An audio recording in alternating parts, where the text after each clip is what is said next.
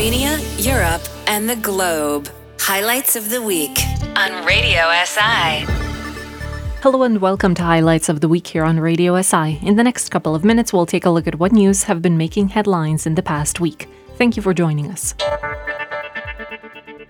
Right at the start of the week, the last of the Nobel Prizes was awarded. The Nobel Prize in Economic Sciences was given to three US based economists the Secretary General of the Royal Swedish Academy of Sciences, Hans Ellegren. The Royal Swedish Academy of Sciences has today decided to award Sveriges Riksbank's Prize in Economic Sciences in memory of Alfred Nobel for 2022 to Ben Bernanke, the Brookings Institution, Washington, D.C., USA, Douglas Diamond, Washington University in uh, University of Chicago, in USA, and Philip Dybvig at Washington University in St. Louis, USA.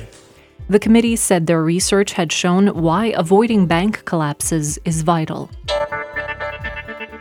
Continuing with news from Slovenia, the opposition Democrats on Wednesday filed to Parliament their requests for three referendums on three government sponsored bills. The requests for the referendums on the changes to the government, RTV Slovenia, and long term care acts are supported with more than 157,000 verified voter signatures combined. Another opposition group this week also filed for a referendum on the changes to the family law that effectively legalized gay marriage and adoptions. However, the National Assembly is expected to declare the referendum inadmissible because the Constitution bans referendums on laws that deal with human rights. While Slovenians will head to the polls to choose a new president next Sunday, Austrians already cast their ballots last Sunday. They re elected Alexander van der Bellen for what will be his second six year term. According to projections, he won a clear majority against the other six candidates in the first round. And the Italian Senate held its first session since elections last month. The Senate on Thursday chose Ignazio La Russa, a member of right wing leader Giorgia Meloni's Brothers of Italy party, as president. He was elected even though lawmakers from one key party in the coalition opted not to vote the lower house expectedly failed to elect a speaker. French oil workers continued their strike this week. The strike has led to fuel shortages in France. A third of gas stations in France are reporting shortages. The strike is in its third week and has shut six of France's seven oil refineries. The European Commission has recommended that Bosnia and Herzegovina be granted official status as a candidate country to join the EU, but under the conditions of further reforms. EU Commissioner for Enlargement Oliver Varhelyi. Following general elections on the 2nd of October, we expect the legislators and governments at state, entity, and cantonal levels to be swiftly set up in order to focus on EU reforms. It will be for the European Council to take the final decision possibly in December. Bosnia has spent almost two decades on the EU's waiting list. Slovenian politicians welcomed the news. Prime Minister Robert Golob said this was a huge step for both Bosnia and Herzegovina and the EU. To je velik premik, velik premik na več nivojih, kot si mislimo, ne samo za Bosno, kar neizmerno pozdravljam, to je velik premik tudi za Evropsko unijo samo. Looking across the pond, InfoWars founder Alex Jones was ordered to pay nearly $1 billion to relatives of victims of the 2012 Sandy Hook mass shooting for spreading the lie that the massacre was staged. Jones has maintained a defiant attitude that he does not have the money to pay. Lead attorney for the plaintiffs, Chris Mattei. Well, one of the things that Alex Jones tried to do throughout this case was to hide his assets to conceal from the court, from the jury, the true extent of his profits here. Uh, but we're going to find out. You know, one of the things that the bankruptcy court allows and the action we brought in Texas uh, to go after his fraudulent transfer of assets is a lot of scrutiny on what assets he has, what he's transferred, and what is available.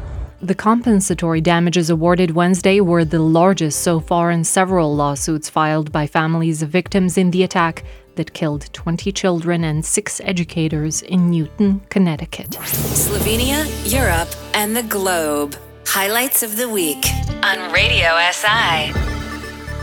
And we're back with this week's top story. The Russia Ukraine war has been in the focus of world news since February, and this past week has been no exception.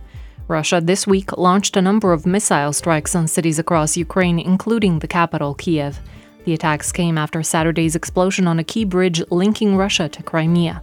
Russian President Vladimir Putin has accused Ukraine of attacking the bridge, saying it was an, quote, act of terrorism, end quote.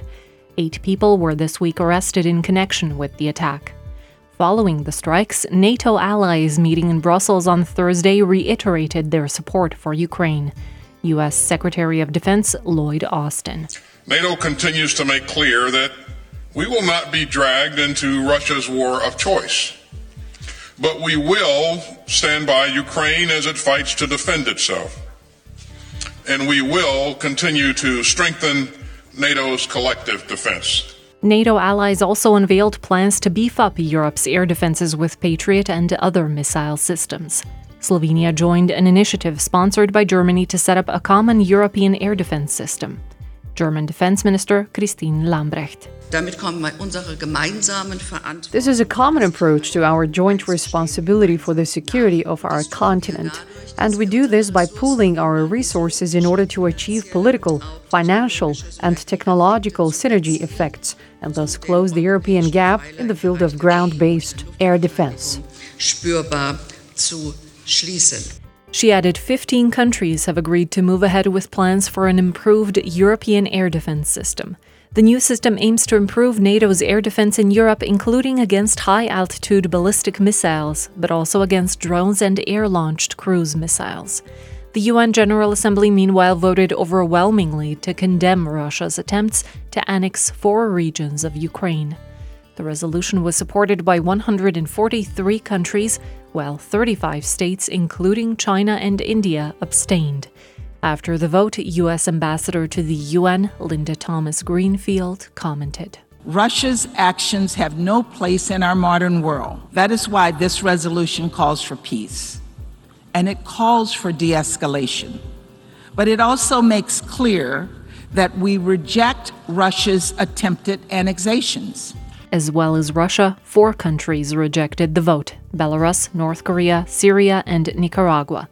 Although symbolic, it was the highest number of votes against Russia since the invasion. This does it for this week's edition of Highlights of the Week. Thank you for joining us. The most important news from Slovenia, Europe, and around the globe. Highlights of the Week. Saturdays at 225 on Radio SI.